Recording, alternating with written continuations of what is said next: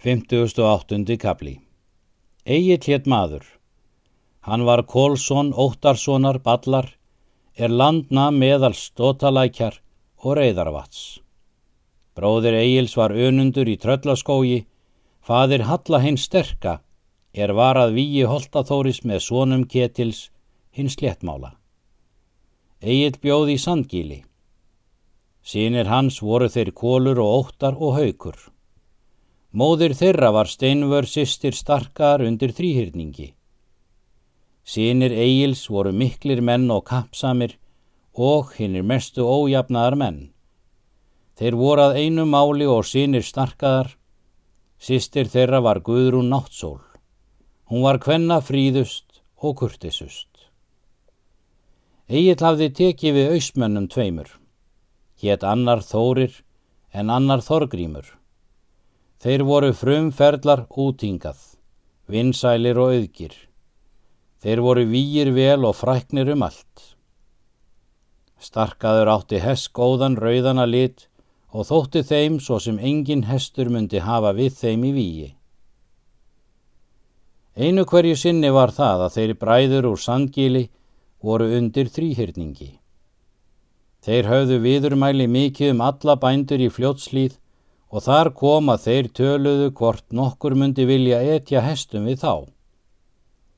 En er þeir menn voru aðmæltu það til sóma þeim og eftirlætis að bæði myndi vera að engi myndi þóra við að etja, enda myndi engin eiga því líkan hest. Þá svaraði Hildikunnur. Veit ég þann mann er þóra mun að etja við yður?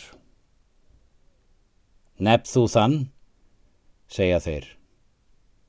Hún svarar.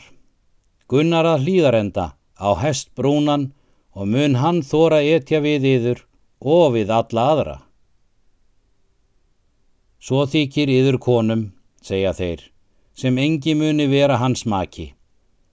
En þó að auðvirðilega hafi farið fyrir honum geir goði eða gissur kvíti, þá er eigi ráðið að oss fari svo. Yður mun fyrst um fara, segir hún og var þeim af hinn mesta deila. Starkaður mælti. Á gunnar vildi ég að þér leituðu sísmanna, því að erfitt mun yður verða að ganga í móti giftu hans. Leifa mynd þú oss að við bjóðum honum hesta að, segja þeir. Leifa, segir hann, ef þér prettið hann í öngu. Þeir hvaðu svo gera myndu. Riðu þeir nú til hlýðarenda. Gunnar var heima og gekk út. Kolskeggur og hjörtur gengu út með honum og fögnuðu þeim vel og spurðu hvert er ætluð að fara. Egi lengra, segja þeir. Oss er sagt að þú eigir hest góðan og viljum við bjóða þér hesta að. Littlar sögur meg að ganga frá hesti mínum, segir Gunnar. Hann er ungur og óreindur að öllu. Kostmund þú látaði etja, segja þeir, og gatest til hildigunnur að þú mundir góður af hestinum. Hví töluðu þér um það, segir Gunnar.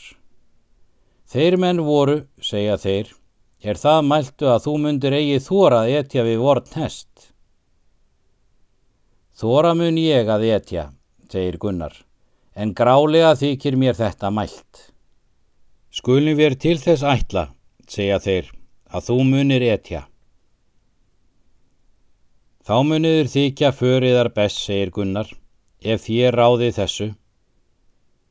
En þó vil ég þess byggja yður að við etjum svo hestonum að við gerum öðrum gaman en oss engi vandraði og þér geri mér enga skömm.